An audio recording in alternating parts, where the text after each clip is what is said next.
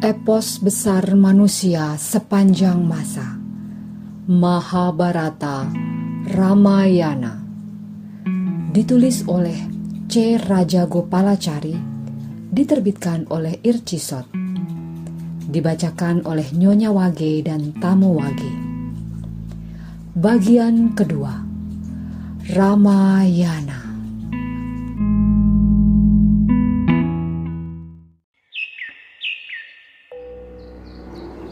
Bab 10 Bertemu para Surama Setelah menyerahkan kembali kedua pangeran yang dipercayakan kepadanya dalam keadaan selamat sejahtera kepada Raja Dasarata di Mitila, dan setelah menghadiri pesta pernikahan, Resi mohon diri kepada kedua raja dan pergi ke Himalaya. Sejak saat itu, Wisma Mitra tidak lagi berperan dalam perjalanan hidup Rama. Kita bisa mengatakan bahwa Wisma Mitra merupakan batu landasan bagi keseluruhan bangunan cerita Rama. Setelah pernikahan Rama di Mitila, kita tidak akan menemukan Wisma Mitra lagi.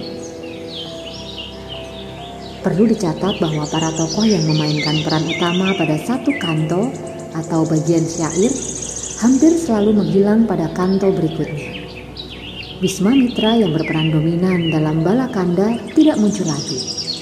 Demikian pula dengan Dewi Kekayi dan Guha hanya berperan dominan dalam Ayodhya Kanda. Hal yang sama juga terjadi pada Barata yang tidak akan kita jumpai dalam bab-bab antara pertemuan Citra Kota dan kepulangan Rama ke Ayodhya. Selama periode kesengsaraan Rama, Barata jarang sekali dimunculkan sang pengarang. Para tokoh dalam Ramayana karya Walmiki tidak seperti para tokoh dalam Mahabharata dan kebanyakan drama atau novel tidak muncul berulang-ulang. Para kritikus perlu memperhatikan ciri umum karya Walmiki ini. Raja Dasarata kembali ke Ayodhya bersama rombongan. Di jalan, mereka menjumpai pertanda-pertanda yang buruk. Dasarata yang cemas segera menemui Resi Wasista. Ia bertanya apa gerangan yang akan terjadi. Wasista menjawab bahwa meskipun burung-burung di udara menunjukkan tanda-tanda kedatangan mara bahaya, binatang-binatang di darat memperlihatkan pertanda yang sebaliknya. Ketika Dasarata dan Wasista sedang berdialog, tiba-tiba badai datang menerjang.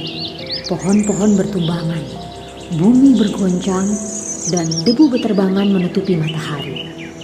Suasana berubah gelap. Semua dicekam ketakutan. Ternyata inilah alasan kejadian aneh itu.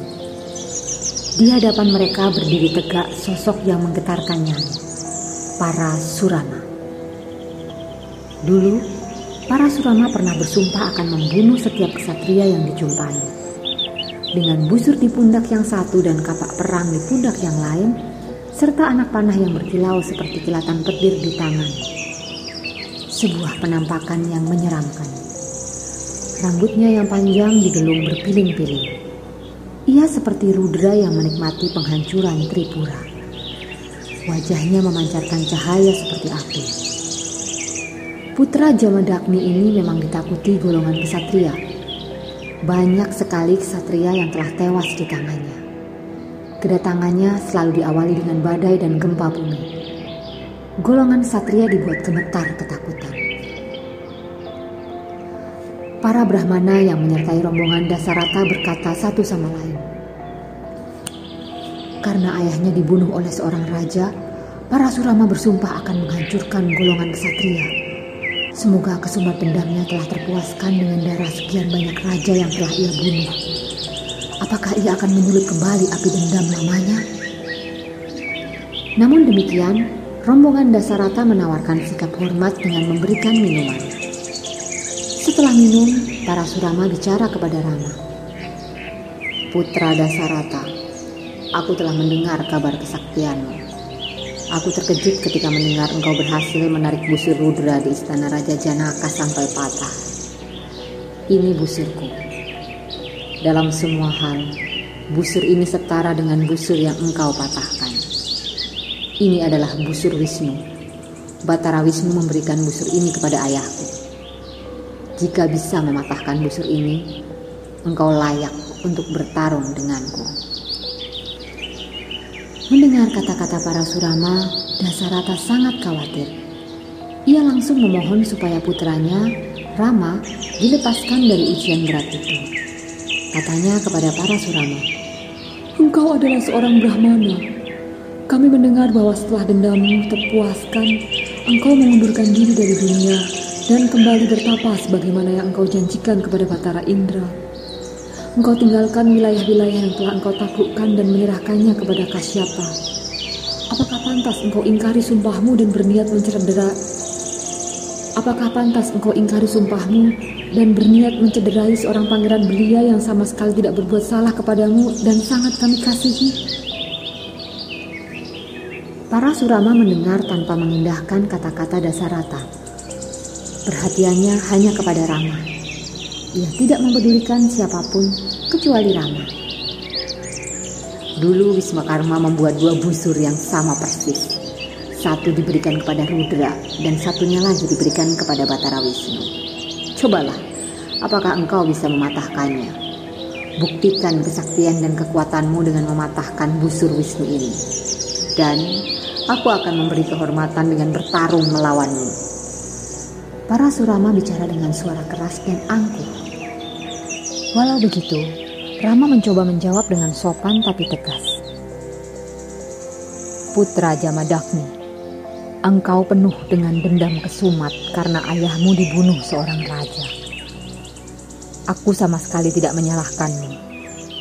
Tapi engkau tidak boleh merendahkanku seperti engkau merendahkan orang-orang lain. Silakan berikan busurmu. Setelah berkata demikian, ia ambil panah dan busur dari para surama. Ia angkat busur sembari memasang anak panahnya sekalian. Lalu ia rentangkan dan tersenyum kepada para surama.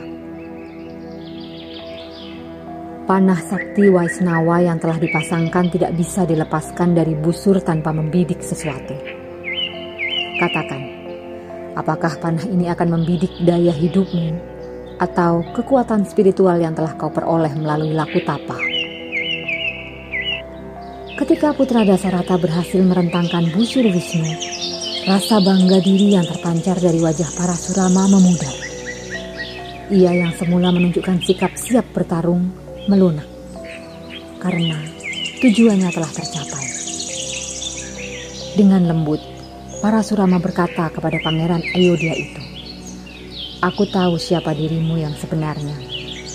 Aku tidak menyesal engkau meluluh lantakkan kesombonganku. Aku relakan buah-buah spiritual yang kuperoleh melalui tapa jadi milikmu.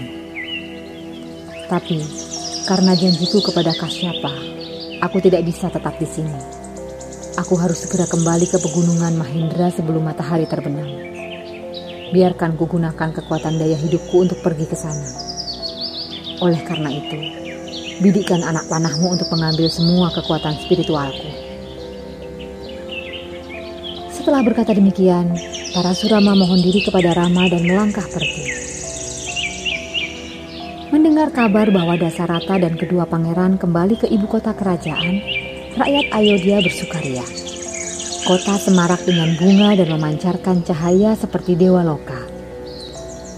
Selama 12 tahun, Rama dan Dewi Sinta hidup bahagia di Ayodhya.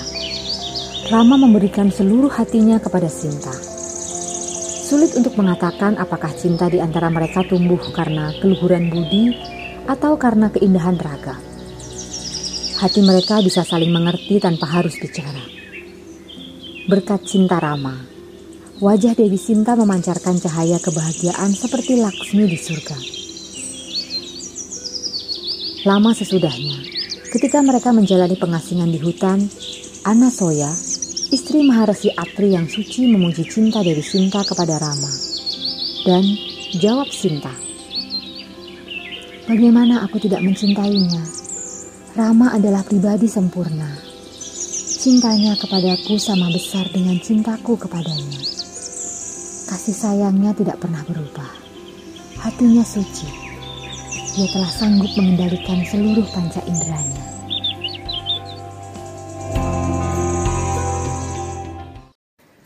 Dengarkan kisah selanjutnya di wagi depan dengan tamu wagi yang lain.